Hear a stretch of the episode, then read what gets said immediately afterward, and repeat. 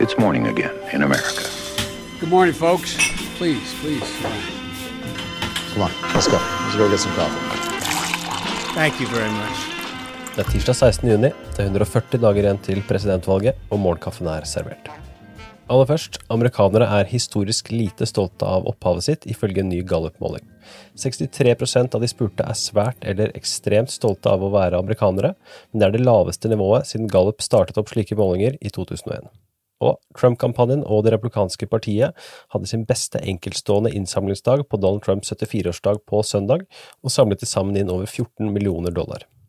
Dagens første sak, LHBT pluss-seier i Høyesterett. USAs høyesterett avgjorde mandag med seks mot tre stemmer at det er lovstridig å diskriminere arbeidstagere på bakgrunn av seksuell orientering eller kjønnsidentitet. Avgjørelsen bekrefter at den samme lovbestemmelsen som gjør det ulovlig å diskriminere annet på bakgrunn av kjønn, også dekker seksuell orientering. Det var kanskje noe overraskende at Høyesterett, som har blitt mer konservativ de seneste årene, skulle komme til denne konklusjonen, og kanskje enda mer overraskende at det var den svært konservative Neil Gorsuch, Donald Trumps første oppnevning til retten, som forfattet flertallets innstilling. Gorsuch appointed by President Trump.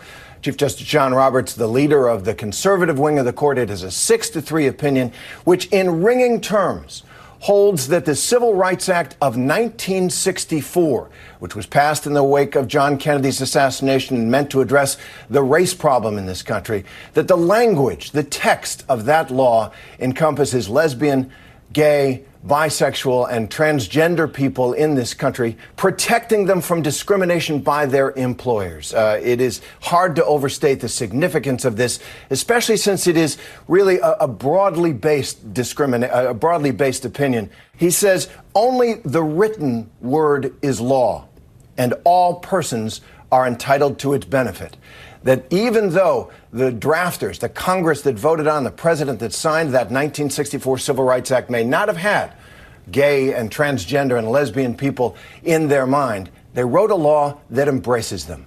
And today, all Americans are protected from discrimination at work by that law. PS. Høyesterett avviste også mandag å behandle en rekke saker som våpenrettsgrupper hadde håpet ville fjerne restriksjoner og sikre utvidede rettigheter til å bære våpen. Dagens andre sak, Warren som VP. Over 100 liberale og progressive aktivister, ledere og kjendiser har signert et brev som på det sterkeste oppfordrer Joe Biden til å velge Elizabeth Warren som sin visepresidentkandidat.